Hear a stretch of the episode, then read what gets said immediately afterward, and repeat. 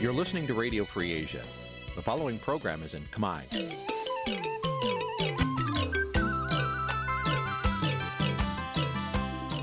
នេះជាកម្មវិធីផ្សាយ Vuthu Azizi Serai នេះជាកម្មវិធីផ្សាយរបស់ Vuthu Azizi Serai ជាភាសាខ្មែរ Vuthu Azizi Serai សូមស្វាគមន៍លោកអ្នកនាងទាំងអស់ពីរដ្ឋធានី Washington នៃសហរដ្ឋអាមេរិក ជាប្រធានាធិបតី Washington នាងខ្ញុំម៉ៅសុធានីសូមជម្រាបសួរលោកអ្នកស្ដាប់ទាំងអស់ជាទីមេត្រី ចាយើងខ្ញុំសូមជូនការផ្សាយសម្រាប់ព្រឹកថ្ងៃប្រហ័ស4រោចខែមិញឆ្នាំខាលចត្វាស័កពុទ្ធសករាជ2566ហើយដល់ត្រូវនៅថ្ងៃទី9ខែកុម្ភៈគ្រិស្តសករាជ2023ជាកិច្ចចាប់ផ្ដើមនេះនាងខ្ញុំសូមអញ្ជើញលោកអ្នកនាងកញ្ញាស្ដាប់ព័ត៌មានប្រចាំថ្ងៃដែលមានមេត្តាដូចតទៅ លោកសំរងស៊ីញាស់លោកហ៊ុនសែនឲ្យប្តឹង នៅតុលាការបារាំងរឿងឃាតកម្មលើអតីតប្អូនថ្លៃលោកមេធាវីដែលបណ្ដឹងនៅបន្តប្តឹងលោកថាច់សេដ្ឋាទោះបីមានការស្នើសុំឲ្យដោះស្រាយនៅក្រៅប្រព័ន្ធតុលាការក៏ដោយ មន្ត្រីសង្គមស៊ីវិលស្នើឲ្យមានវិធានការគ្រប់គ្រងផ្នែកសុខភាពខណៈដែលចិនបន្តចូលមកកម្ពុជាទីផ្សារអឺរ៉ុបទិញទំនិញពីកម្ពុជាជាង4000លានដុល្លារអាមេរិកក្នុងឆ្នាំ2022រួមនឹងព័ត៌មានសំខាន់សំខាន់មួយចំនួនទៀតចាត់ជាបន្តទៅទៀតនេះនាងខ្ញុំម៉ៃសុធានីសូមជូនព័ត៌មានទាំងនោះពឺស្ដាប់ ចានលោកដានៀងជាទីមេត្រីមេបកប្រឆាំងប្រកាសស្វាគមន៍បណ្ដឹងមួយទៀតរបស់លោកហ៊ុនសែននៅចំពោះមុខតឡាការប្រទេសបារាំងពាក់ព័ន្ធនឹងករណីដែលលោកចោទប្រកាន់ថាលោកហ៊ុនសែនគឺជាអ្នកសម្លាប់អតីតប្អូនថ្លៃរបស់ខ្លួនឈ្មោះកៅសមុទ្រកាលពីជិត30ឆ្នាំមុន មន្ត្រីអ្នកនាំពាក្យគណៈបកកាន់អំណាចច្រានចោលការចោតប្រកាសនេះក៏ប៉ុន្តែអ្នកវិភាគយល់ឃើញថាប៉ះសិនបារដ្ឋាភិបាលពិតជាស្អាតស្អំគួរតែស្រាវជ្រាវករណីនេះដើម្បីបង្ហាញការពិត និងបញ្ចប់វប្បធម៌និទានភាពជាប្រធានាធិបតី Washington លោកសេកបណ្ឌិត មានសេចក្តីរាយការណ៍ពុស្ដាជំវិញព័ត៌មាននេះ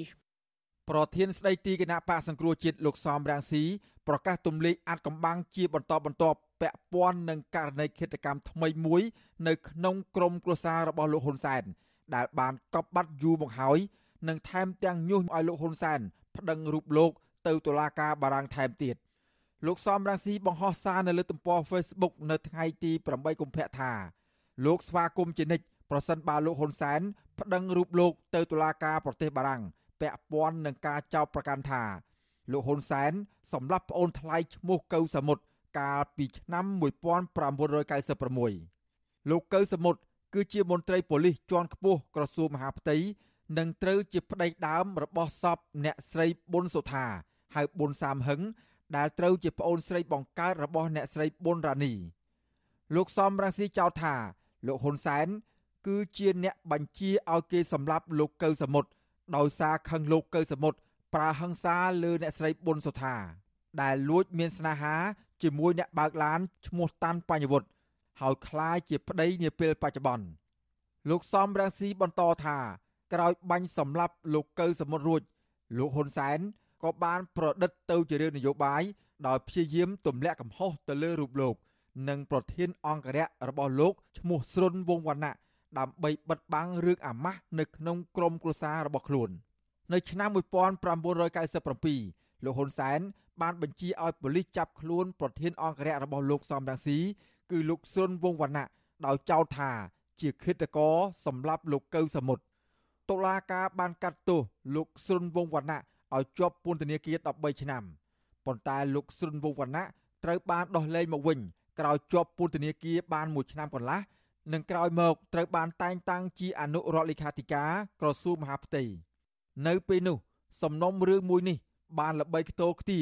ហើយមានការចាប់អារម្មណ៍ពីអ្នកសារព័ត៌មាន រួមទាំងក្រុមអង្គការជាតិនិងអន្តរជាតិដោយចាត់ទុកថារឿងនេះ គឺជារឿងនយោបាយតាក់ទងនឹងរឿងរ៉ាវនេះលោកហ៊ុនសែនបានឆ្លើយតបថា ការបង្ហោះសាររបស់លោកសំរងស៊ីគឺជារឿងប្រឌិត ហើយជាទង្វើរបស់មនុស្សអាក្រក់ គណៈក្រុមគ្រួសាររបស់លោក កំពុងកាន់ទុកមរណភាពរបស់អ្នកស្រីប៊ុនសុថាលោកហ៊ុនសែនថែមទាំងប្រមានចាត់វិធានការច្បាប់ទៅលើលោកសំរងស៊ីនិងអ្នកបង្ហោះសាររិះគន់រឿងនេះផងដែរប៉ុន្តែលោកមិនទាន់បានបញ្ជាក់ពីការដាក់បណ្ដឹងប្រឆាំងលោកសំរងស៊ីនៅឡើយឆ្លើយតបនឹងរឿងនេះលោកសំរងស៊ីបានប្រាប់បទសុអាស៊ីសេរីថា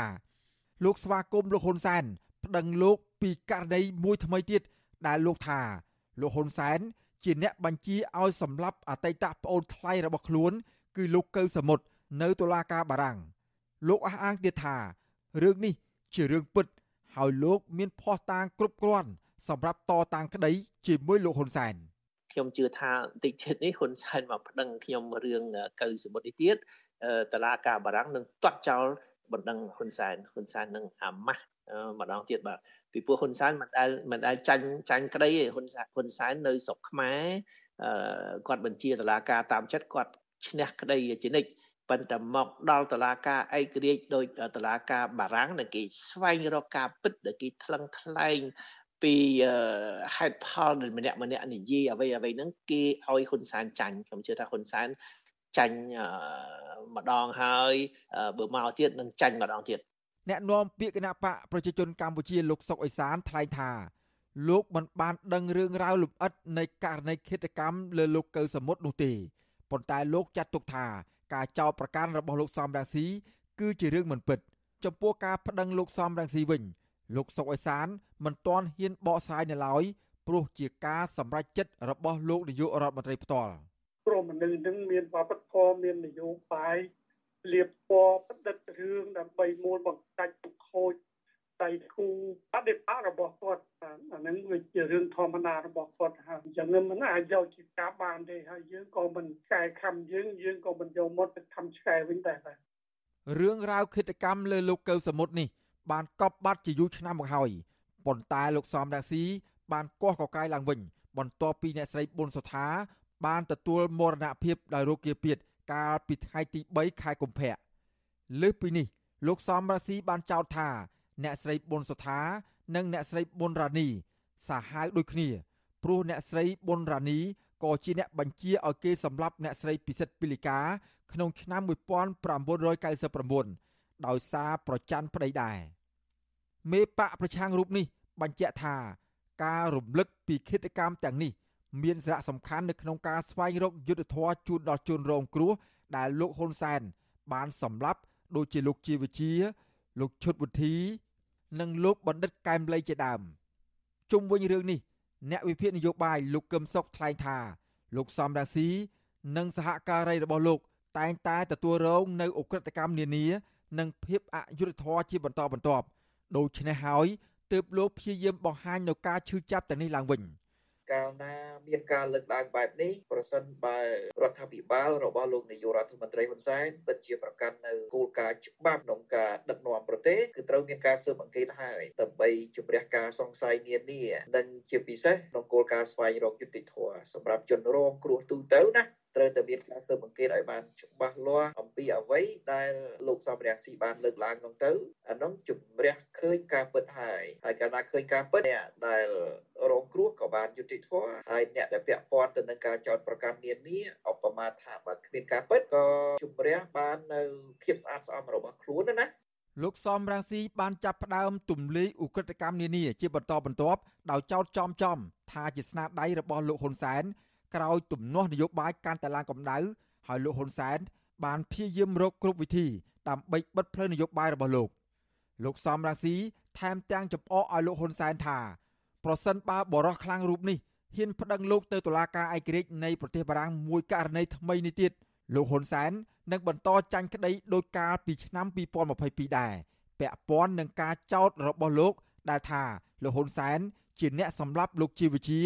និងដន្លងរបស់ខ្លួនគឺលោកហុកឡុងឌីចំពោះករណីថ្មីដែលលោកសំរងស៊ីចោទលោកហ៊ុនសែននិងអ្នកស្រីប៊ុនសុថាថាបានរួមដៃគ្នាសម្លាប់លោកកៅសមុទ្រនេះវិញពលរដ្ឋមួយចំនួន បានរិះគន់លោកសំរងស៊ីថាជាអ្នកនយោបាយអសិលធម៌ព្រោះអ្នកស្រីប៊ុនសុថា បានស្លាប់ទៅហើយមិនគួរគាស់កកាយរឿងចាស់ឡើងវិញឡើយ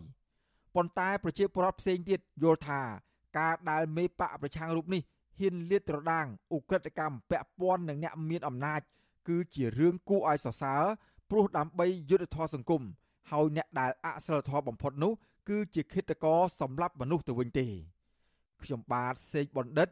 វុទ្ធុអាស៊ីសេរីពីរដ្ឋធានីវ៉ាស៊ីនតោន ចាលោកនានីជាទីមេត្រីពាក់ព័ន្ធនឹងបណ្ដឹងលោកថាច់ស្ថាវិញ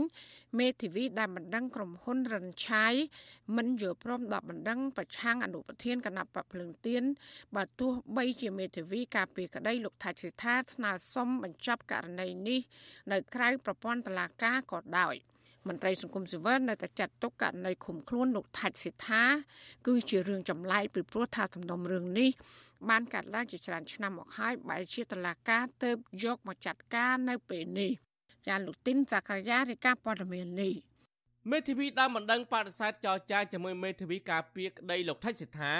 ដោយពួកគេរក្សាចំហដោះស្រាយបញ្ហានេះតាមផ្លូវតុលាការទោះបីជាបែបនេះក្តីមេធាវីការពារក្តីឲ្យលោកថៃសិដ្ឋាកំពុងតែរកច្រកចេញក្រៅពីការចរចាជាមួយភាគីដើមបណ្ដឹង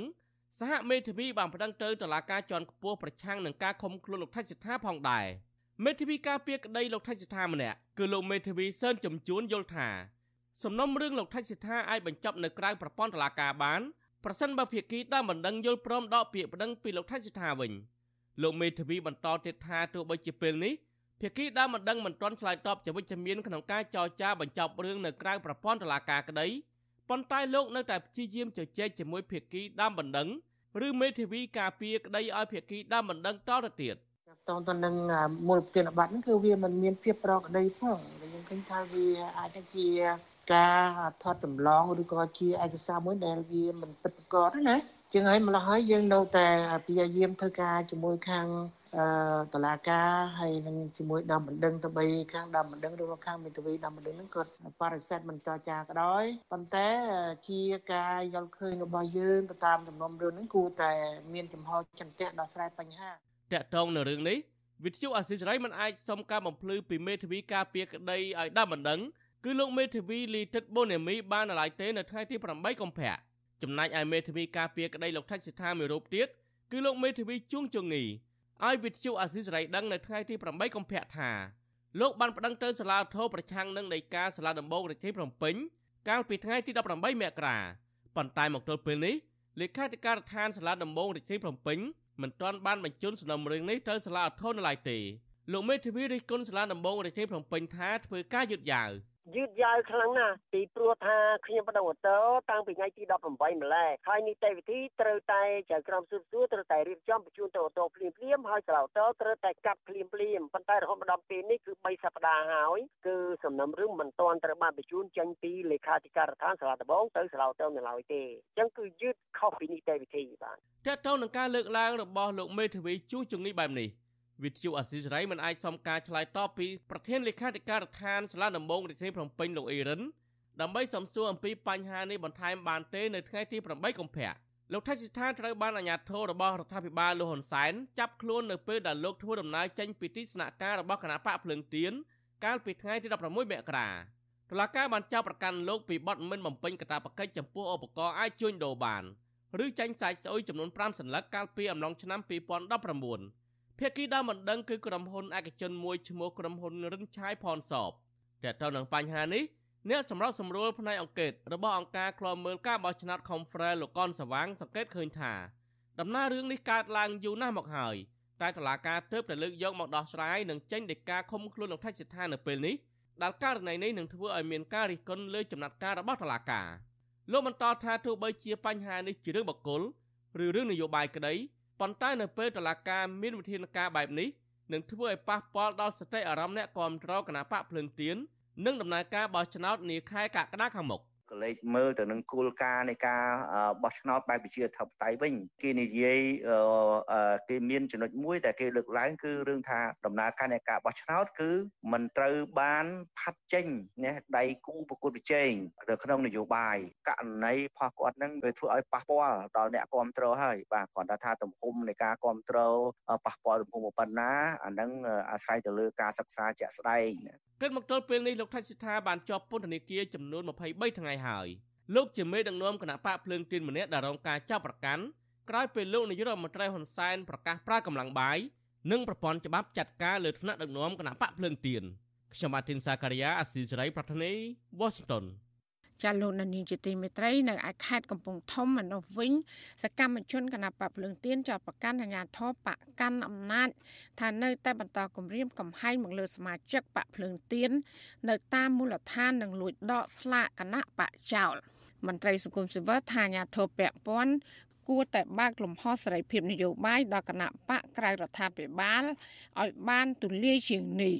ចាសសូមស្ដាប់សេចក្តីរាយការណ៍របស់លោកមានរិទ្ធជំវិញព័ត៌មាននេះ សកម្មជននឹងថ្នាក់ដឹកនាំគណៈបកភ្លើងទៀននៅខេត្តកំពង់ធំ លើកឡើងថាអស់រយៈពេល1ខែមកនេះស្លាកគណៈបកភ្លើងទៀននៅក្នុងឃុំចំនួន3នៃស្រុកស្ទូង គឺឃុំពពកឃុំទ្រានិងឃុំសំប្រូចត្រូវបានគេលួចវាយបំផ្លាញនិងដកយកទៅបោះចោលតាមអំពើចិត្តពួកគេចាត់ទុកសកម្មភាពទាំងនេះថាជាការរើសអើងផ្នែកនយោបាយនិងជារូបភាពគំរាមកំហែងដែលធ្វើឲ្យប៉ះពាល់ដល់ស្មារតីពលរដ្ឋក្នុងមូលដ្ឋាន សមាជិកក្រុមប្រឹក្សាឃុំជាប់ឆ្នោតគណៈបកភ្លើងទៀននៅឃុំពពក ស្រុកស្ទូង គឺលោកគីសុកលីប្រាវិសុយស៊ីស្រីនៅថ្ងៃទី8ខែកុម្ភៈថា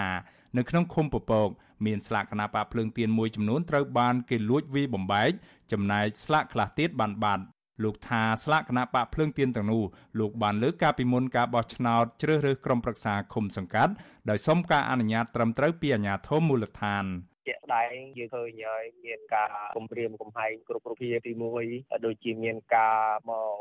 លួចដកនៅផ្លាកសញ្ញាហើយដល់មកទី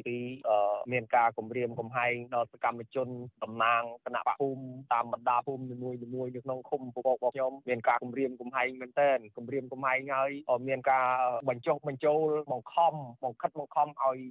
តំណាងគណៈបកភ្លើងទៀននៅតាមបណ្ដាភូមិមួយចំនួនផ្តិតមេដៃយល់ព្រមចុះចូលជាមួយគេអានឹងជាការបង្ខិតបង្ខំមួយចាប់តាំងពីមានវត្តមានគណៈបកភ្លើងទៀនចូលរួមការបោះឆ្នោតជ្រើសរើសក្រុមប្រឹក្សាឃុំសង្កាត់មកសមាជិកគណៈបកភ្លើងទៀននៅតាមមូលដ្ឋាន សង្កេតឃើញថាបកប្រឆាំងមួយនេះពិបាកធ្វើសកម្មភាពចោះជួបប្រជាពលរដ្ឋដោយសារតែមានអាជ្ញាធរមូលដ្ឋានចាំតាមឃ្លាំមើលនិងប្រើប្រាស់រូបភាពនៃការគំរាមកំហែងតាមរយៈការសួរនាំនិងការបញ្ចុះបញ្ចូលទិញទឹកចិត្តពលរដ្ឋ ឲ្យមកចូលរួមជាមួយគណៈបកកណ្ដាលអំណាចស្រដៀងគ្នានេះបេក្ខភាពក្រុមប្រឹក្សាស្រុកស្ទូងខេត្តកំពង់ធំមកពីគណៈបកភ្លើងទៀនលោកណូថែមានប្រសាសន៍ថាមានស្លាកគណៈបកភ្លើងទៀនមួយចំនួននៅក្នុងស្រុកស្ទូងនៅក្នុងឃុំពពកឃុំទ្រានិងឃុំសំប្រូចត្រូវបានគេលួចដកនិងវាយបំផ្លាញចោល លោកបន្តថាលោកបានដាក់ពាក្យបណ្ដឹងទៅអាជ្ញាធរពាក់ព័ន្ធនៅតាមឃុំនីមួយៗរួចហើយក៏ប៉ុន្តែពុំមានអាជ្ញាធរណាហ៊ានទទួលពាក្យបណ្ដឹងរបស់លោកនោះទេដូច្នេះលោកទទូចឲ្យអាជ្ញាធរមូលដ្ឋាន គួរតែសហការឲ្យបានល្អជាមួយគណៈបកភ្លើងទៀនដើម្បីធានានូវការចូលរួមផ្នែកនយោបាយដោយពុំមានការរើសអើងពោទៅ តាមដឹកនាំជនថ្នាក់ទាំងអស់ឲ្យបើកលំហសេរីភាពនយោបាយចេះផ្នែកពួកគណៈបកភ្លើងទៀនឲ្យមានសិទ្ធិសេរីភាពនិងប្រតិមតិឲ្យជាពលរដ្ឋគ្រប់រូបនឹងមានសិទ្ធិឈ្មោះបោះឆ្នោតនៅថ្ងៃទី23ខាងមុខណាបងជុំវិញរឿងនេះមេឃុំសំប្រូចស្រុកស្ទូងលោកពីចពុលច្រានចោលចំពោះការចាត់ប្រកាសនេះថាជារឿងមិនពិតទោះជាយ៉ាងណាលោកថាបើសិនជាមានករណីនេះមែននោះលោកនឹងដោះស្រាយតាមទស្សនវិជ្ជាជាក់ស្ដែង វាអត់មានទេនៅគុំទៅព្រួយហ៎មួយឯងកុំចេះជឿអានេះបើនិយាយឲ្យទៅតែរឿងអារឿងពិតវាអត់មានអញ្ចឹងបានខ្ញុំចង់ថានៅណាដែលនិយាយឲ្យក្មួយឯងថាអញ្ចឹងចង់យកអានេះនោះឯងមកមកចង្អុលផ្លាកទាំងណាដែលគេវាយហើយរស់នៅជាមួយគណៈបព្វជិជនថ្ងៃគេប្រព្រឹត្តភ័យល្បីខ្លះសកម្មជនគាត់ដែលនៅជាមួយពិសេសតែបងពិសេសតែប្អូនពិសេសតែអ្នកភូមិទីបាយជាមួយគ្នាទៅវត្តជាមួយគ្នាបនទានមួយលើកមួយលើកមិនបានទៅនិយាយប្រខូចគណៈបព្វជិជនរបៀបនោះ ទោះជាបែបនេះក្តីអ្នកនាំពាក្យសមាគមការពារសិទ្ធិមនុស្សអាត6លោកសឹងសានករណាលើកឡើងថាបញ្ហាគម្រាមកំហែងការវាបំផ្លាញស្លាកគណបកក្រៅរដ្ឋាភិបាលនេះបានកើតមានឡើងជាញឹកញាប់នៅមុនការបោះឆ្នោតលោកបន្តថាជាក្តីបារម្ភបើសិនជាសកម្មភាពបែបនេះនៅតែបន្តកើតមានឡើងនោះនឹងធ្វើឲ្យប៉ះពាល់ដល់ស្មារតីអ្នកនយោបាយនិងប្រជាពលរដ្ឋនៅតាមមូលដ្ឋានដូច្នេះលោកថាអាញាធរពពាន់ គួរតែបើកចិត្តឲ្យបានទូលាយនៅក្នុងការសហការល្អជាមួយគណៈបកក្រៅរដ្ឋាភិបាលដោយពុំមានការរើសអើងផ្នែកនយោបាយ ចង់មិនចង់វាតិចច្រើននឹងធ្វើឲ្យមានការប៉ះពាល់តែអារម្មណ៍របស់ប្រជាពលរដ្ឋក្នុងការចូលរួមក្នុងការបោះឆ្នោតនាពេលខាងមុខនឹងហើយអញ្ចឹងបញ្ហាទាំងអស់នេះស្ថាប័នពាក់ព័ន្ធគប្បីចុះធ្វើការប្រមូលព័ត៌មាននិងស្រាវជ្រាវឲ្យបានច្បាស់លាស់ហើយដើម្បីទប់ស្កាត់អំពីករណីទាំងអស់នេះកើតឡើងបន្តទៀតបើមិនដូច្នោះទេបញ្ហានេះនឹងមិនអាចធ្វើឲ្យវាមានភាពល្អប្រសើរទេអញ្ចឹងវាកាន់តែរីករាលដាលទៅហើយវាធ្វើឲ្យស្ថានភាពអាប់អួរហើយធ្វើឲ្យបរិយាកាសនយោបាយហ្នឹងគឺមិនល្អប្រសើរនោះទេសន្ទុះប្រជាធិបតេយ្យឆ្នាំ2022ទើបនឹងចេញផ្សាយដោយអង្គភាពស៊ើបអង្កេតសេដ្ឋកិច្ចហៅកាត់ថា EIU ដែលមានមូលដ្ឋាននៅចក្រភពអង់គ្លេសបង្ហាញថាកម្ពុជា នៅតែបន្តជាប់ឈ្មោះជាប្រទេសមានរបបដឹកនាំតាមបែបផ្ដាច់ការនៅក្នុងចំណោម167ប្រទេសនៅលើសកលលោក លោកនាយរដ្ឋមន្ត្រីហ៊ុនសែនបានបើកយុទ្ធនាការគោះរំលើងប្រជាធិបតេយ្យតាមរយៈការរំលាយគណៈបកសង្គ្រោះជាតិនៅមុនការបោះឆ្នោតជ្រើសតាំងតំណាងរាស្ត្រអាណត្តិទី6និងបន្តរដ្ឋបិទមកលើអ្នកនយោបាយគណៈបកប្រឆាំងជាបន្តបន្ទាប់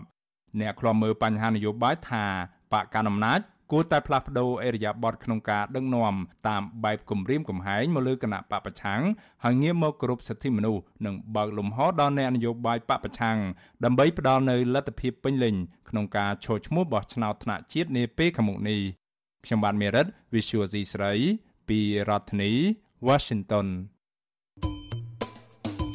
ចាលោកនាងកញ្ញាកំពុងស្ដាប់ការផ្សាយរបស់វិទ្យុអសីសេរីផ្សាយចេញពីរដ្ឋធានី Washington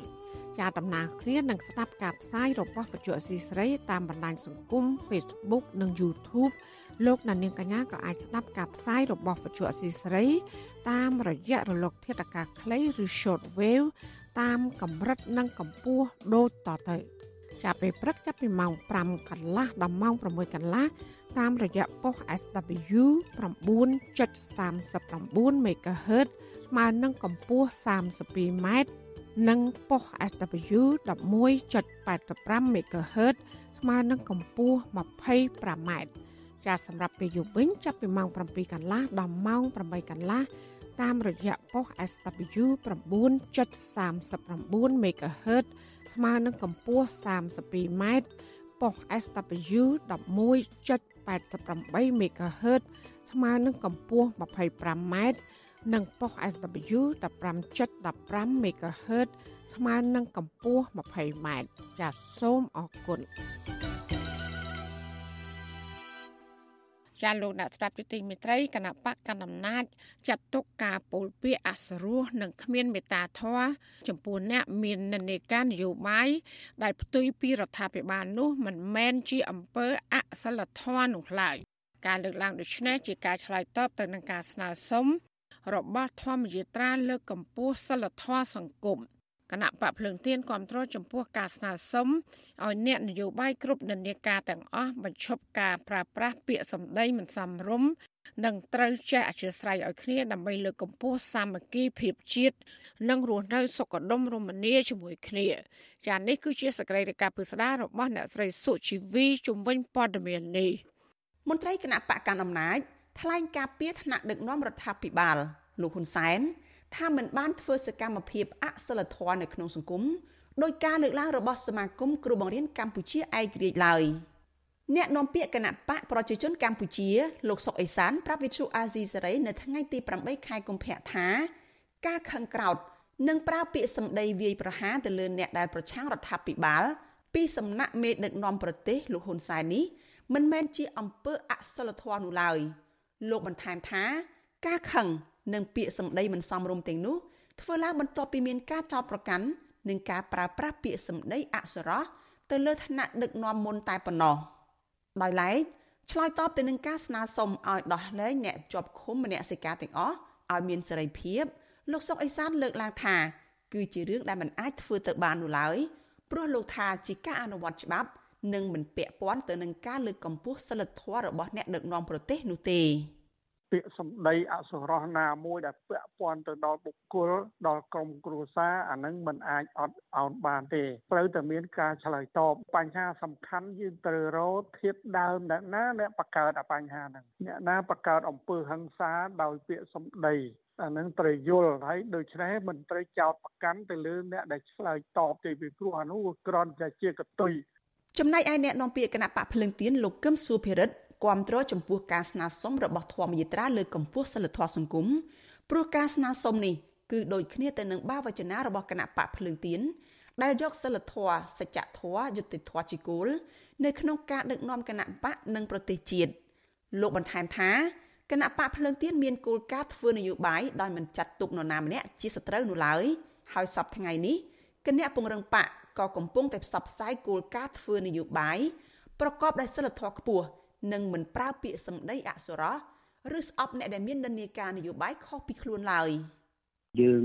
តែងតែចង់ឲ្យថ្នាក់ដឹកនាំមិនថាតែនៅក្នុងគណៈបកភ្លើងទៀនទេគឺអ្នកនយោបាយទាំងអស់នៅស្រុកខ្មែរហ្នឹងធ្វើការងារធ្វើសកម្មភាពនយោបាយប្រកបទៅដោយការអត់ឱនគ្នា ទាំងកាយទាំងចិត្តសម្រាប់ឲ្យចិត្តហ្នឹងកុំ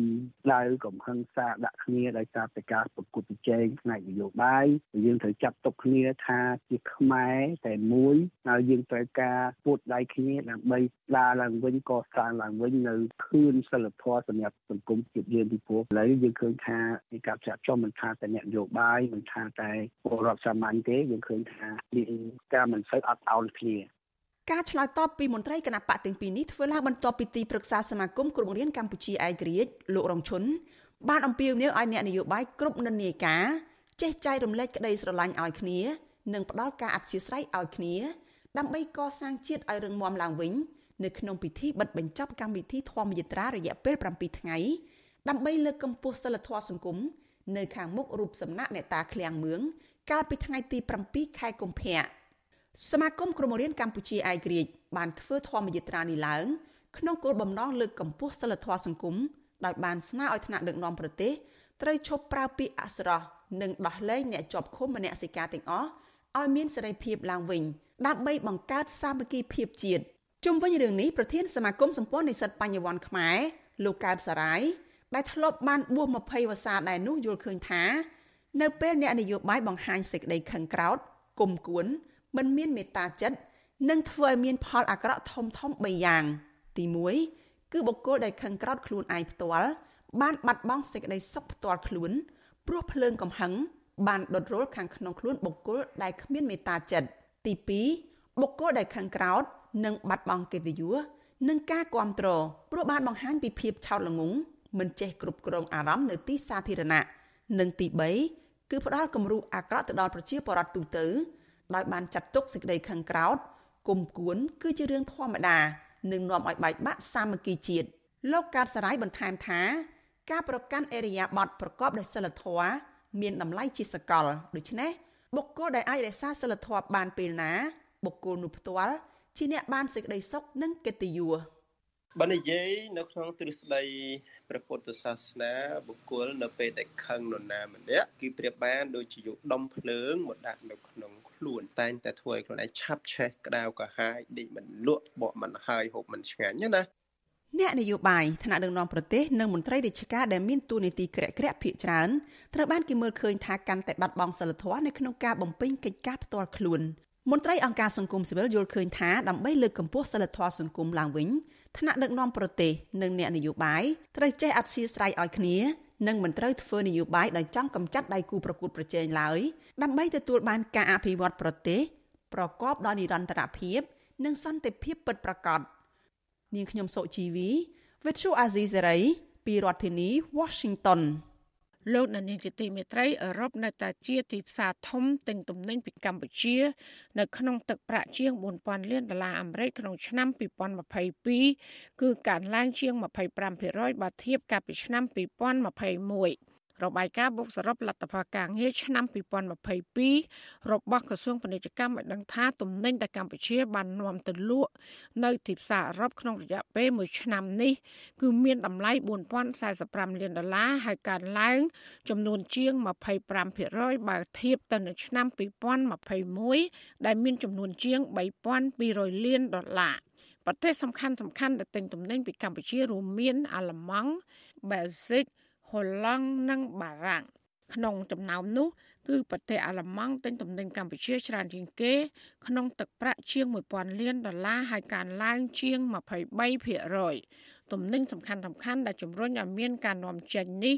មានដូចជាសម្លៀកបំពាក់ស្បែកជើងកង់កាបូបធ្វើដំណើរអង្ករនិងគ្រឿងបន្លាស់រថយន្តជាដើម។ រដ្ឋមន្ត្រីក្រសួងពាណិជ្ជកម្មលោកប៉ានសុរស័ក្តិបញ្ជាក់ក្នុងពិធីបើកសន្និបាតរូបសរុបលទ្ធផលការងារឆ្នាំ2022របស់ក្រសួងកាលពីថ្ងៃទី30ខែមករាថាទំហំពាណិជ្ជកម្មសរុបក្នុងឆ្នាំ2022មានចំនួនប្រមាណជាង52,000លានដុល្លារហើយកើនឡើងចំនួន9%បើធៀបកាលពីឆ្នាំ2021តាក់ទងនឹងការនាំទំនិញទៅអឺរ៉ុបនេះ កម្ពុជានឹងប្រឈមការបាត់បង់ផលប្រយោជន៍ពីប្រព័ន្ធអនុគ្រោះពន្ធ EBA បន្ថែមទៀតដោយសារការរំលាយប្រជាធិបតេយ្យនិងការរំលោភសិទ្ធិមនុស្សធ្ងន់ធ្ងរជាប្រព័ន្ធបន្ទាប់ពីសហភាពអឺរ៉ុបបានកាត់ផ្តាច់ប្រព័ន្ធអនុគ្រោះពន្ធ EBA 20%កាលពីខែសីហាឆ្នាំ2020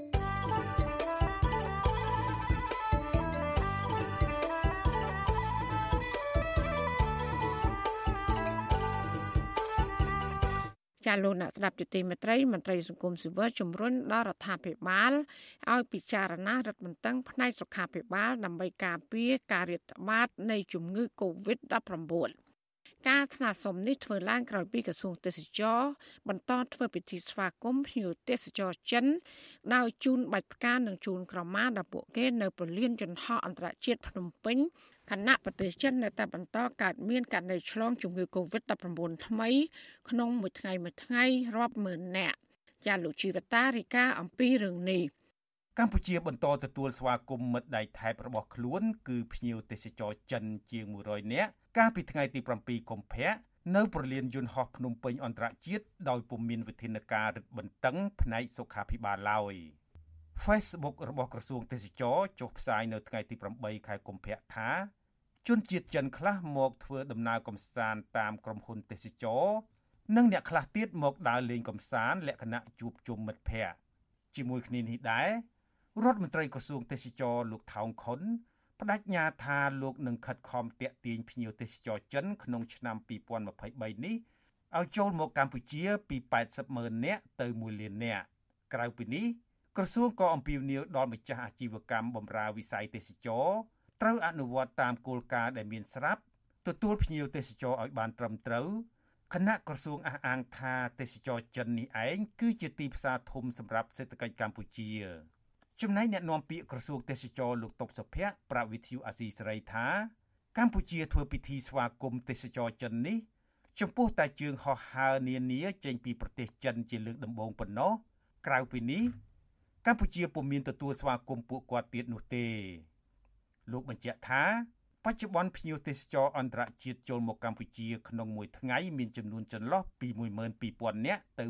13000នាក់លោកទទួលស្គាល់ថាកន្លងមករដ្ឋាភិបាលមានចន្លោះប្រហោងច្រើនក្នុងការគ្រប់គ្រងភ្ញៀវទេសចរអន្តរជាតិទោះជាយ៉ាងណាលោកអះអាងថាកម្ពុជាបានបង្កើនយន្តការរឹតបន្តឹងផ្លូវច្បាប់ដែលមានស្រាប់រួចហើយដែរ ចឹងបើសិនជាមានទេសចរណាដែលគាត់ចូលមកខុសច្បាប់គាត់ត្រូវតែទទួលនៅទោសទណ្ឌទៅតាមការកំណត់របស់ច្បាប់ជាធរមានមិនថាទេសចរចិនទេសចរណាទេសចរជនជាតិណាក៏ដោយកាលណាចូលមកទឹកដីរបស់យើងដោយខុសច្បាប់អានឹងគឺត្រូវតែទទួលទោសទណ្ឌទៅការកំណត់របស់ច្បាប់មន្ត្រីសង្គមស៊ីវិលមើលឃើញថាលំហូរជនជាតិចិនចូលមកកម្ពុជា គឺមានពីរក្រុម ដោយក្នុងនោះ មួយក្រុមពួកគេចូលមកកម្ពុជារកស៊ីឬមកលេងកំសាន្តគោរពច្បាប់កម្ពុជាត្រឹមត្រូវនិងមួយក្រុមទៀតចូលមកកម្ពុជា ដើម្បីជ្រកកោនប្រព្រឹត្តបទអ ுக ្រិតនានាប្រធានអង្គការសម្ព័ន្ធគណនេយ្យភាពសង្គមកម្ពុជាលោកសនជ័យមានប្រសាសន៍ថាជនជាតិចិនដែលមករកស៊ីនៅកម្ពុជាត្រឹមត្រូវក៏បានរួមចំណែកកសាងសេដ្ឋកិច្ចជាតិនិងសេដ្ឋកិច្ចពលរដ្ឋដែរទោះជាយ៉ាងណា លោកថាជនជាតិចិនខ្លះទៀតមកកម្ពុជា ស្ថិតក្នុងរូបភាពគួរឲ្យព្រួយបារម្ភដោយសារពួកគេចូលមកកម្ពុជាដោយខុសច្បាប់ និងយកកម្ពុជាធ្វើជាកន្លែងប្រកបអាជីវកម្មបែបឧក្រិដ្ឋ ក្រុមដែលមកដោយខុសច្បាប់បានយើងថាខុសច្បាប់ដោយសារតែពេលដែលបង្ក្រាបបានអាជ្ញាធរឃើញនៅករណីខ្លះពួកគេគ្មានឯកសារគ្រប់គ្រាន់ក៏ចាប់បញ្ជូនទៅវិញអីជាដើមអញ្ចឹងក្រុមនេះគឺជាក្រុមមួយដែលអាជ្ញាធរគួរតែប្រុងប្រយ័ត្នដើម្បីកុំឲ្យពួកគេយកទឹកដីកម្ពុជាធ្វើជាជំរកនៃការប្រព្រឹត្តបទល្មើសបទអក្រិតផ្សេងៗដែលអាចពាក់ព័ន្ធនឹងមុខមាត់របស់កម្ពុជានៅលើឆាកអន្តរជាតិស្របពេលរដ្ឋាភិបាលកម្ពុជាស្និទ្ធនឹងរដ្ឋាភិបាលចិន ភ្ញៀវទេសចរចិនក៏ហាក់ទទួលបានកិច្ចគាំពៀពិសេសជាងភ្ញៀវអន្តរជាតិផងដែរបើទោះនៅប្រទេសចិនមានករណីផ្ទុះជំងឺ Covid-19 ធ្ងន់ធ្ងរយ៉ាងណាក្តីរដ្ឋាភិបាលកម្ពុជាឯនេះពុំបានចាត់វិធានការរឹតបន្តឹងផ្នែកសុខាភិបាលលើភ្ញៀវទេសចរឡើយរយៈពេល24ម៉ោងចុងក្រោយនេះនៅឯប្រទេសចិន មានករណីឆ្លងជំងឺ Covid-19 ថ្មីជិត17000នាក់ហើយសម្រាប់កម្ពុជាវិញ ក្រសួងសុខាភិបាលឲ្យដឹងថាគិតត្រឹមថ្ងៃទី7ខែកុម្ភៈកម្ពុជាមានអ្នកឆ្លងជំងឺ Covid-19 ជិត140,000នាក់ក្នុងនោះមាន2ករណីឆ្លងថ្មី និងមានមនុស្សជាង3000នាក់បានស្លាប់ប្រធានសមាគមប្រជាធិបតេយ្យឯករាជ្យនៃសេដ្ឋកិច្ចក្រៅប្រព័ន្ធលោកវុនពៅព្រួយបារម្ភចំពោះទេសចរចិនបន្តចូលមកកម្ពុជាជាបន្តបន្ទាប់ដោយគ្មានវិធានការរឹតបន្តឹងផ្នែកសុខាភិបាលនេះថា វាអាចនឹងបង្កឲ្យមានករណីផ្ទុះជំងឺ Covid-19 ក្នុងសហគមន៍សាជាថ្មី ដែលបណ្ដាលឲ្យអ្នកប្រកបរបរសេដ្ឋកិច្ចក្រៅប្រព័ន្ធជួបការលំបាកលើសពីនេះលោកថាទន្ទឹមកម្ពុជាធ្វើពិធីស្វាគមន៍ទេសចរចិនរដ្ឋាភិបាលគួរតាក់ទាញភ្ញៀវទេសចរអន្តរជាតិពីអឺរ៉ុបមកកម្ពុជាផងដែរត្បិតលោកថាទេសចរចិនពួកគេចាយវាយត្បិតត្បៀត ប្រទេសចិនកំពុងតែមានការផ្ទុះកូវីដប្រសិនបើយើងឲ្យទេសចរចិនមកហើយมันបានត្រួតពិនិត្យច្បាស់លាស់ទាក់ទងទៅនឹងវិធានការកូវីដទេវាជាការព្រួយបារម្ភមួយយើងបារម្ភខ្លាចដោយកាលពេលជំនាន់ផ្ទុះកូវីដដំបូងប្រទេសកម្ពុជាយើងអត់សូវបានប្រុងប្រយ័ត្នទេទទួលស្វាគមន៍ជាមួយភ្ញៀវទេសចរបរទេសប្រមាណកប៉ាល់នោះហើយដល់ក្រោយមកប្រទេសកម្ពុជាផ្ទុះកូវីដមានការបិទគប់មានធ្វើឲ្យប្រជាពលរដ្ឋពិបាករស់នៅសេដ្ឋកិច្ចធ្លាក់ចុះខ្ញុំបារម្ភត្រឡប់ថយក្រោយខ្លាចដោយការពេលផ្ទុះកូវីដពេលដំបូងហ្នឹង មន្ត្រីសង្គមស៊ីវិលនិងអ្នកជំនាញសុខាភិបាលតែងព្រួយបារម្ភចំពោះការរីករាលដាលជំងឺ Covid-19 សាជាថ្មី ស្របពេលរដ្ឋាភិបាលអនុវត្តលក្ខខណ្ឌទូរលុងក្នុងការទទួលភ្ញៀវទេសចរចិនពួកគេលើកឡើងថាការរឹតបន្តឹងផ្នែកសុខាភិបាលចំពោះទេសចរចិន គឺពុំមានការរើសអើងឬរដ្ឋបិទអ្វីនោះទេប៉ុន្តែគឺដើម្បីការពារសុវត្ថិភាពសុខភាពពលរដ្ឋខ្មែរអ្នកឃ្លាំមើលស្នើដល់រដ្ឋាភិបាលគួរពិចារណា ក្នុងការដាក់វិធានរឹតបន្តឹងវិធានផ្នែកសុខាភិបាលឡើងវិញក្នុងនោះមិនមែនតែសំដៅលើទេសចរចិនប៉ុណ្ណោះទេ តែទៅលើភ្ញៀវទេសចរអន្តរជាតិទាំងអស់ផងដែររបាយការណ៍របស់ក្រសួងទេសចរបង្ហាញថាគិតត្រឹមខែមករាឆ្នាំ2023កម្ពុជាទទួលបានភ្ញៀវទេសចរអន្តរជាតិប្រមាណ40ម៉ឺននាក់ក្នុងនោះទេសចរចិនមានជាង20,000នាក់ក្រសួងរំពឹងថា ភ្ញៀវទេសចរចិននឹងបន្តចូលមកកម្ពុជាកើនឡើងជាលំដាប់ចាប់ពីខែមីនាតទៅក្រសួងទេសចរបញ្ជាក់ថានៅថ្ងៃទី16ខែកុម្ភៈខាងមុខកម្ពុជានឹងមានជើងហោះហើរពីប្រលានយន្តហោះគួនមីងប្រទេសចិន មកកាន់ខេត្តសៀមរាបខ្ញុំជីវិតាអាស៊ីសេរីចាលោកនាងកញ្ញាកំពុងស្ដាប់ការផ្សាយរបស់វិទ្យុអាស៊ីសេរីផ្សាយចេញពីរដ្ឋធានី Washington ពាក់ព័ន្ធនឹងទំនាក់ទំនងរវាងកម្ពុជានិងចិននេះភាគីចិនក៏បានជំរុញឲ្យមានការកសាងសហគមន៍ចិនកម្ពុជាអនាគតរួមគ្នា និងបន្តទំនាក់ទំនងមិត្តភាពចិនកម្ពុជា ពីមួយចំនួនទៅមួយចំនួនអ្នកខ្លាំមើលរិគុណថាគម្រោងទស្សនកិច្ចរបស់លោកហ៊ុនសែនទៅប្រទេសចិននេះគឺដើម្បីពង្រឹងអំណាចច្រើនជាងផលប្រយោជន៍ជាតិ ចាសសេចក្តីរាយការណ៍ពីស្ដាមពីរឿងនេះលោកនាងនឹងបានស្ដាប់នាពេលបន្តិចទៀតនេះ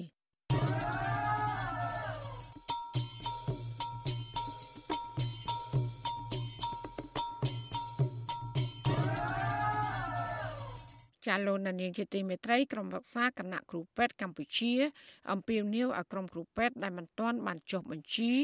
និងស្នើសុំអាជ្ញាប័ណ្ណសម្រាប់ឆ្នាំ2023ត្រូវតែមកស្នើសុំនៅការិយាល័យគណៈគ្រូពេទ្យកម្ពុជា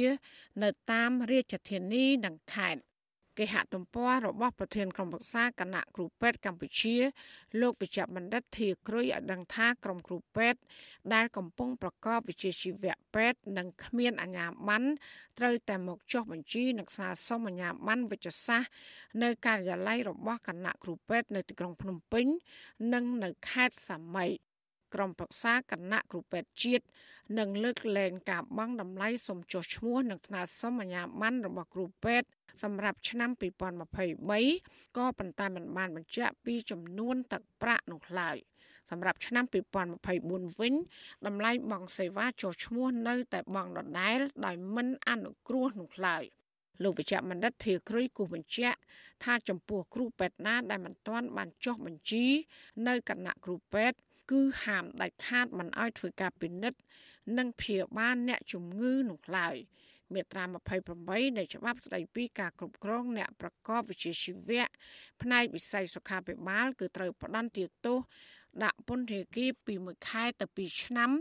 និងត្រូវពិន័យជាប្រាក់ពី2លានរៀលទៅ5លានរៀលចំពោះអ្នកមានវិជ្ជាជីវៈសុខាភិបាល ដែលគ្មានអាជ្ញាប័ណ្ណនិងប្រកបរបរនេះ។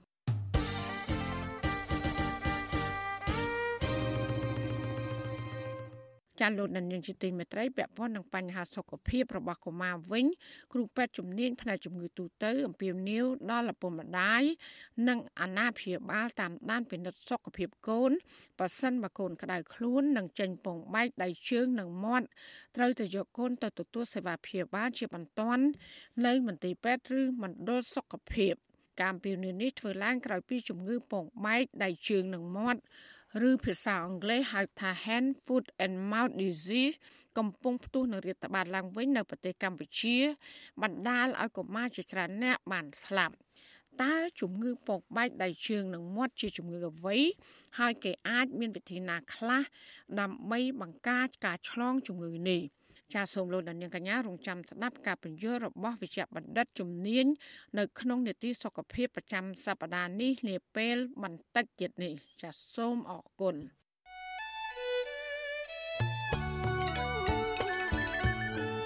លោកនាងកញ្ញាជាទីមេត្រីក្រៅតែពីការតាមដានការផ្សាយរបស់វិទ្យុអសីស្រីតាមបណ្ដាញសង្គម Facebook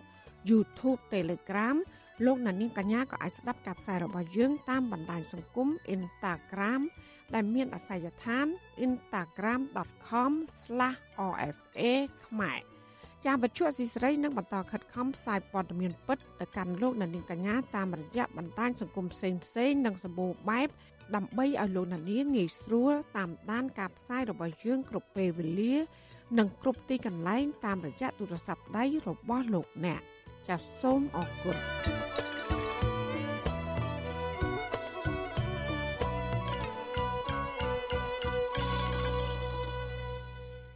ចាលោកនានីជាទីមេត្រីអាញាធរកម្ពុជា បានកំទេចអាវុធចាស់ចាស់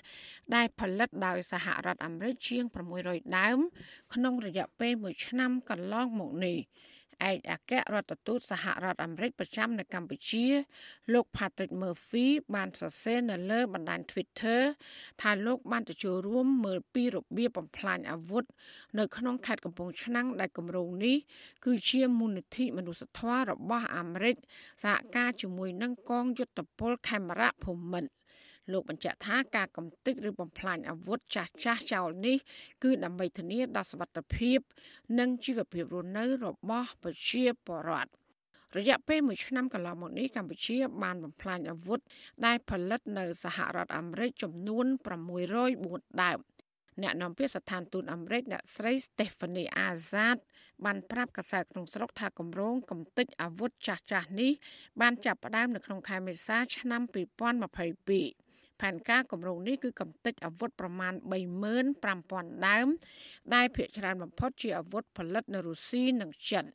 អ្នកស្រីបន្ថែមថាចាប់តាំងពីការអនុវត្តគម្រោងនេះមក គឺបានកំទេចអាវុធចោលជាង1000ដើមរួចហើយ ក្នុងនោះមានចំនួនជាង600ដើមជាអាវុធដែលផលិតនៅសហរដ្ឋអាមេរិកហើយมันអាចប្រើប្រាស់បាននឹងមានអាយុកាលប្រមាណជា50ឆ្នាំ។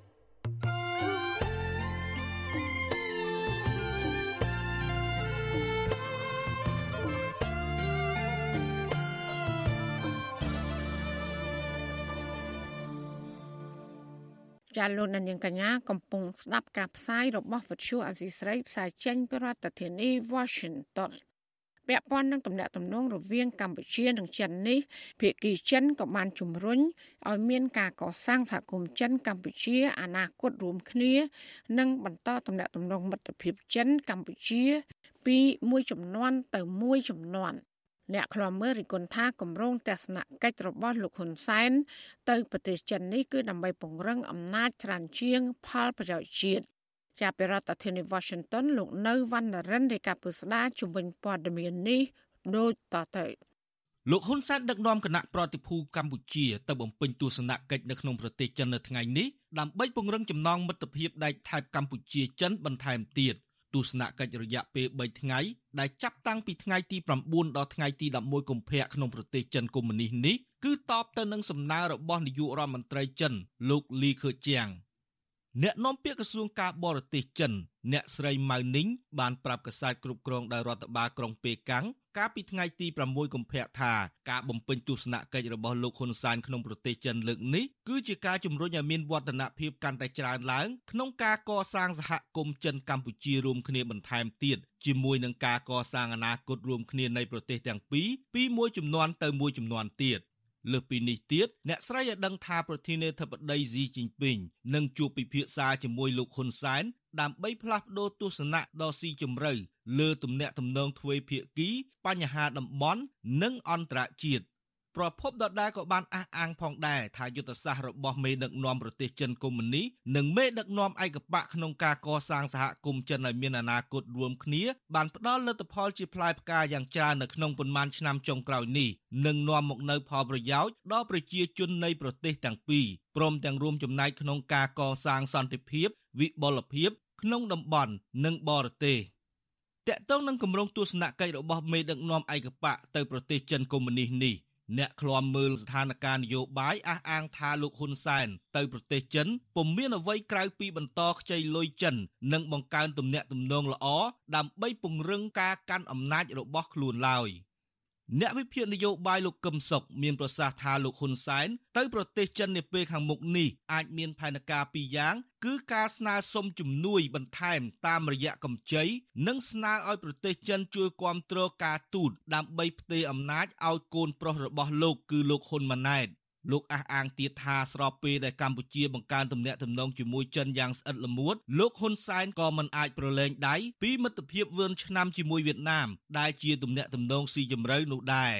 លោកកឹមសុខបញ្យល់ថាវៀតណាមទំនងមិនសប្បាយចិត្តស្របពេលចិនពង្រីកឥទ្ធិពលនិងចង់បានភូមិសាស្ត្រនយោបាយកម្ពុជាក៏ប៉ុន្តែលោកថាវៀតណាមក៏មានមហិច្ឆតាមកលើកម្ពុជាផងដែរ។បំណងរបស់វៀតណាមលើកម្ពុជាវិញកាន់តែអា ក្រក់ជាងចិនទៅទៀតគឺវៀតណាមចង់ត្រួតត្រាកម្ពុជា ដើម្បីអនុវត្តមហិច្ឆតាលេបយកកម្ពុជា អំណាចក្រុមគ្រួសារហ៊ុន នៅមិនទាន់មានស្ថិរភាពនោះទេពីព្រោះវាហាក់ដូចជាកំពុងតែដើរនៅក្នុងយុទ្ធសាស្ត្រមួយ នៅចន្លោះមាត់ក្រពើវៀតណាមហើយនឹងនៀកចិត្តងាកទៅណាក៏អាចប៉ះភ្លើងរលាកឬត្រូវភីគីណាមួយស៊ីឲ្យខ្ទេចដែរប្រសិនបើបោះ ជំហានខុសវិទ្យុអាស៊ីសេរីមិនអាចតាក់ទងแนะនាំពាក្យក្រសួងការបរទេសនិងប្រធានអង្គភិបអ្នកណែនាំពាក្យរដ្ឋាភិបាលលោកផៃស៊ីផានដើម្បីសុំការអធិប្បាយឆ្លើយតបនឹងការលើកឡើងនេះបានទេចំណែកអ្នកនាំពាក្យគណៈបកប្រជាជនកម្ពុជាលោកសុកអេសានឲ្យដឹងថាគម្រោងទស្សនកិច្ចរបស់លោកហ៊ុនសែនទៅប្រទេសចិន គឺជាការពង្រឹងទំនាក់ទំនងទ្វេភាគី បន្ថែមពីនេះលោកសុកអេសានថាមជ្ឈដ្ឋានមួយចំនួន លើកឡើងថាលោកហ៊ុនសែនទៅពឹងពាក់ចិនឲ្យជួយគ្រប់គ្រងផែនការផ្ទេរអំណាចទៅលោកហ៊ុនម៉ាណែតគឺពួកគេមិនយល់ពីច្បាប់នៃប្រទេសកម្ពុជានោះទេ អ្នកដែលថាចេះតែថាទៅអត់ដឹងពីគោលការណ៍លក្ខការផ្ទៃក្នុងរបស់គណៈបកនីមួយៗហើយអត់យល់អំពីច្បាប់កម្ពុជាទៅទៀតហើយគណៈបកនីមួយៗសុទ្ធតែមានសិទ្ធិក្នុងការជ្រើសរើសបេក្ខភាពនាយករដ្ឋមន្ត្រីរបស់ខ្លួនតែដូច្នេះអ្នកថានឹងអត់យល់គេផងឆ្នេះហើយការនិយាយថាសម្ដេចជើញទៅចិនដើម្បីចេះដើម្បីចោះអានឹងគ្រាន់តែជាការប៉ាន់ស្មានទេ បើទោះជាយ៉ាងនេះក្តីអ្នកឃ្លាំមើលលើកឡើងថាប្រសិនបើគ្មានអន្តរជាតិគ្រប់គ្រងផែនការផ្ទេរអំណាចទេលោកហ៊ុនសែនទំនងជាអាចនឹងពិបាកនៅក្នុងការសម្រេចផែនការផ្ទេរអំណាចឲ្យកូនប្រុសច្បងរបស់លោកគឺលោកហ៊ុនម៉ាណែតនាពេលអនាគតអគ្គលេខាធិការសហព័ន្ធនិស្សិតបញ្ញវន្តខ្មែរ លោកគៀនពន្លកថ្លែងថាការលើកឡើងរបស់អ្នកនាំពាក្យក្រសួងការបរទេសចិន ដែលថាកម្ពុជានិងចិនមានទំនាក់ទំនងល្អនិងសម្រេចបាននូវផលប្រយោជន៍ដល់ប្រជាជននោះគឺមិនឆ្លោះបញ្ចាំងពីការពិតទាំងស្រុងនោះទេខណៈក្រុមហ៊ុនចិនខ្លះមកវិនិយោគនៅកម្ពុជា បានជញ្ជក់ធនធានធម្មជាតិកម្ពុជាជាបន្តបន្ទាប់ ក្រៅពីនេះទៀតលោកក៏ព្រួយបារម្ភថាបើកម្ពុជាបន្តខ្ចីលុយបុលពីចិន និងប្រើប្រាស់លុយកម្ចីបរទេសនោះយកមកអភិវឌ្ឍជាតិគ្មានដំណាភាពនិងកណន័យភាពនោះកម្ពុជាអាចជាប់អន្ទាក់បំណុលរបស់ចិនវ៉ាន់កដកខ្លួនមិនរួច នៅពេលណាមួយដែលប្រទេសកម្ពុជាមិនមានលទ្ធភាពក្នុងការសងទៅប្រទេសចិនទេ កម្ពុជាអាចដូចជាប្រទេសស្រីលង្កាជាប់អន្ទាក់បំណុលចិនកាន់តែច្រើនទៅច្រើនទៅហើយស្រីលង្កាមិនមានលទ្ធភាពក្នុងការសងទៅប្រទេសចិននៅពេលនោះគឺស្រីលង្កាគឺបានកាត់កំពង់ផែឲ្យទៅប្រទេសចិនគ្រប់គ្រងអញ្ចឹងប្រសិនបើកម្ចីរបស់ចិននេះជាកម្ចីមួយដែលជាមិត្តមួយដែលមិនមានភាពស្មោះត្រង់ហើយជាពិសេសគឺរដ្ឋាភិបាលចេះតែខ្ចីច្រើនទៅច្រើនទៅនៅថ្ងៃណាមួយប្រទេសកម្ពុជាគឺនឹងរងគ្រោះដោយសារប្រទេសចិនកាលពីខែមករាកន្លងទៅលោកហ៊ុនសែនបានដឹងថាលោកគ្រងទៅបំពេញទស្សនកិច្ចនៅប្រទេសចិនដើម្បីស្នើប្រាក់កម្ចីបន្ថែមទៀតពីមិត្តដែកថែបរបស់លោកសម្រាប់យកមកកសាងផ្លូវនិងស្ពាននៅក្នុងប្រទេសកម្ពុជាក្រសួងសេដ្ឋកិច្ចនិងហិរញ្ញវត្ថុបង្ហាញថាគិតត្រឹមអំណាចត្រីមាសទី2ឆ្នាំ2022កម្ពុជាជំពាក់បំណុលបរទេសជិត10000លានដុល្លារ ក្នុងនោះបំណុលរដ្ឋស្ទើរតែពាក់កណ្ដាលគឺកម្ពុជាជំពាក់មិត្តដៃថៃចិន ដែលមានចំនួនប្រមាណ4000លានដុល្លារអាមេរិកខ្ញុំបាទនៅវណ្ណរិន With Chu Azizi Saray ពីរដ្ឋធានី Washington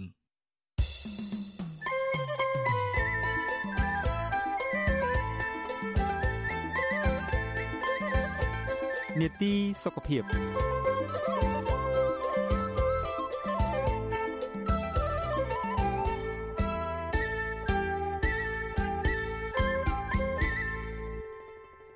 ចាលោកនានីជាទីមេត្រីជំងឺពងបែកដៃជើងនិងមាត់ឬភាសាអង់គ្លេសហៅថា hand foot and mouth disease គឺជាជំងឺឆ្លងដែលតែងតែកើតឡើងលើក្មេង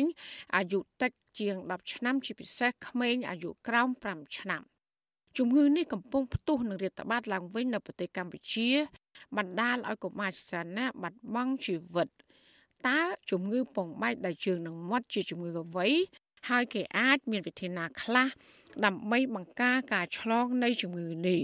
ចានៅក្នុងនេតិសុខភាពប្រចាំសប្តាហ៍នេះនាងខ្ញុំម៉ៃសុធានីសូមរាយការណ៍ជូនពុស្ដាជំនាញព័ត៌មាននេះដូចតទៅ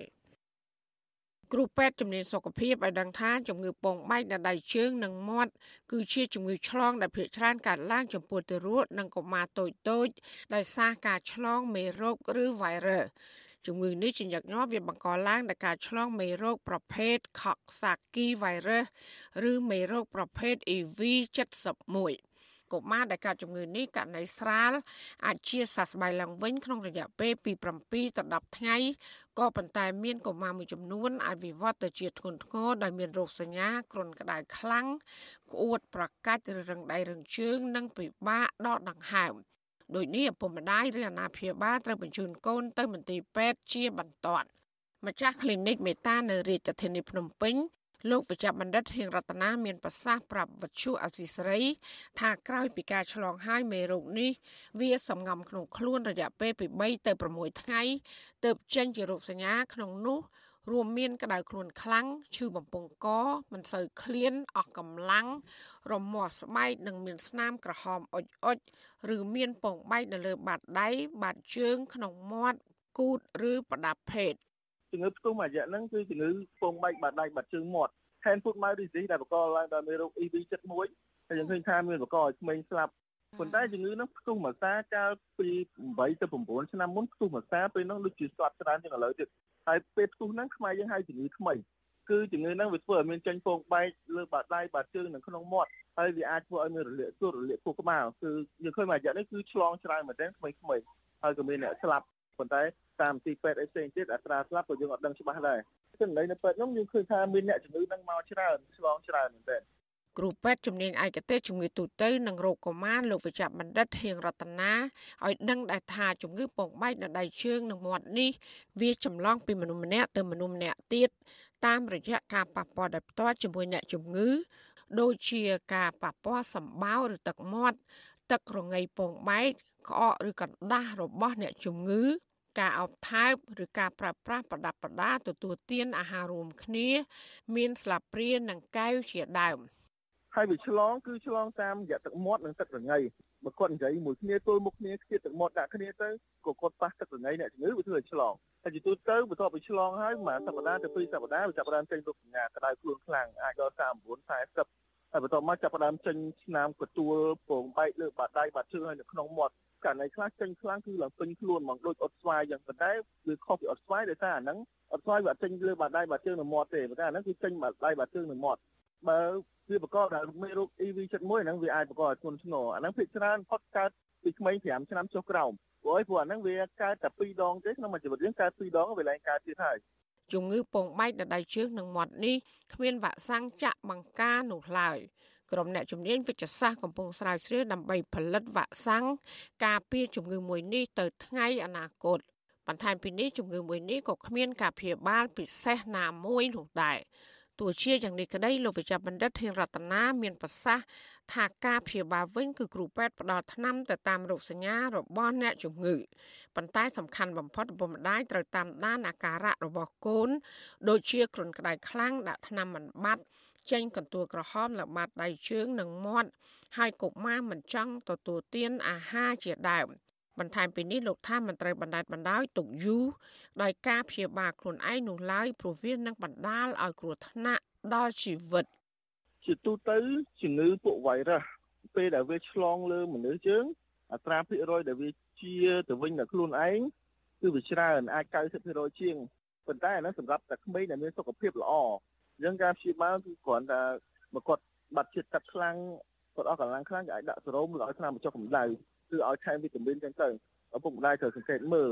បើថាចេញរូបសញ្ញានឹងភ្លាមគួរតែទៅជួបគ្រូពេទ្យឲ្យដឹងមុនដើម្បីធ្វើការការពារនិងព្យាបាលព្រោះវាមានហានិភ័យដែរអាហ្នឹងវាអាចធ្វើឲ្យរលាកទុបនិងរលាកខួរក្បាលអាចបណ្ដាលឲ្យប៉ះពាល់ដល់ជីវិតរបស់កូនក្មេងចំពោះវិធីបង្ការវិញលោកវិជ្ជបណ្ឌិតហៀងរតនាផ្ដល់ដំបូន្មានឲ្យឧស្សាហ៍លាងដៃជាមួយសាប៊ូនិងទឹកជាពិសេសបន្ទាប់ពីប៉ះពាល់ពងបែកឬដំបៅមុនរៀបចំម្ហូបអាហារមុនបរិភោគ មុនបញ្ចុកអាហារដល់កុមារនិងក្រោយពីបន្តបងរួចបន្ថែមពីនេះត្រូវរក្សាអនាម័យខ្លួនប្រាណឬងូតទឹកឲ្យកុមារដែលមានជំងឺ និងដាក់អ្នកជំងឺឲ្យនៅដាច់ដោយឡែកព្រមទាំងឲ្យអ្នកជំងឺត្រូវទទួលទានទឹកឬអាហាររាវៗដូចជាទឹកស៊ុបឲ្យបានច្រើននិងគេងសម្រាកឲ្យបានគ្រប់គ្រាន់អញ្ចឹងដើម្បីការពារទី1គាត់ត្រូវថែទាំអនាម័យកូនឲ្យបានស្អាតណាអាចបើកូនទៅរៀនអាច ពាក់ម៉ាស់ពាក់អីកូនឲ្យបានស្អាតទៅព្រោះឆ្លងតាមទឹកមាត់ការនិយាយទល់មុខគ្នាក៏ឆ្លងដែរជំងឺហ្នឹងហើយក៏ផ្ដល់អាហារកូនឲ្យបានត្រឹមត្រូវអាហារត្រូវមានជាតិបន្លែជាតិសាច់អាហារ3ក្រុមហើយអឺត្រូវលាងដៃកូនមួយសាប៊ូឬអល់កុលឲ្យបានញឹកញាប់ហើយបើឃើញករណីឃើញថាអ្នកគេសង្ស័យមានកទួលមានអីលើបាតដៃបាតជើងក៏ឲ្យគាត់ទៅលេងចិត្តហើយនៅពេលដែលកូនមានអាការរោគសញ្ញាអាចមានក្តៅខ្លួនឬក៏មានចេញកទួលអីត្រូវប្រញាប់យកទៅមន្ទីរពេទ្យពិនិត្យឲ្យបានច្បាស់លាស់ថាជាជំងឺអីបានច្បាស់លាស់ នៅពេលដែលយើងដឹងមុនជាងការព្យាបាលយើងទាន់ពេលវាអត់មានអត់វិវត្តទៅជាធ្ងន់ឬអត់មានផលវិបាកអីគេហទំព័រសុខភាព WebMD ឲ្យដឹងដែរថាជំងឺពងបែកដៃជើងនិងមាត់នេះគឺជាជំងឺឆ្លងធម្មតាដែលឆ្លងនឹងកើតលើកុមារអ្នកដែលកើតជំងឺឆ្លងមេរោគប្រភេទ Coxsackie virus គឺជាប្រភេទជំងឺស្រាលហើយអាចជាសះស្បើយក្នុងរយៈពេលពី7ទៅ10ថ្ងៃ។ ក៏ប៉ុន្តែប៉ះសិនបើឆ្លងមេរោគប្រភេទ Enterovirus 71ឬហៅកាត់ថា EV71 គឺជាប្រភេទជំងឺធ្ងន់ធ្ងរបណ្ដាលឲ្យហើមឬរលាកស្រោមខួរក្បាលហើយដែលភាគច្រើនឆ្លងនឹងរាតត្បាតខ្លាំងនៅតំបន់អាស៊ីបូព៌ានិងអាស៊ីអាគ្នេយ៍រីឯនៅប្រទេសកម្ពុជាវិញកុមារច្រើនឆ្លងមេរោគប្រភេទ EV71 គេហទំព័រដដែលបញ្ជាក់ថាជំងឺពងបែកដៃជើងនិងមាត់ដែលកើតលើមនុស្សនិងជំងឺពងបែកដៃជើងនិងមាត់ដែលកើតលើសត្វពាហនៈរួមមានសត្វគោជ្រូកឈាមនិងពពែជាដើមនោះហៅថាជំងឺអុតក្តាមគឺមានប្រភេទមេរោគខុសគ្នាក្រសួងសុខាភិបាលកាលពីពេលថ្មីថ្មីនេះបានអំពាវនាវដល់ពុកម្ដាយនិងអាណាព្យាបាលត្រូវប្រុងប្រយ័ត្នខ្ពស់លើការបង្ការនិងស្វាស្វែងរកសេវាព្យាបាលជាបន្ទាន់ នៅមន្ទីរពេទ្យនិងមណ្ឌលសុខភាពដែលនៅជិតបំផុតបើសិនបើកូនក្តៅខ្លួនខ្លាំងក្អួតប្រកាច់ទុនដៃទុនជើង និងពិបាកដកដង្ហើមជាដើម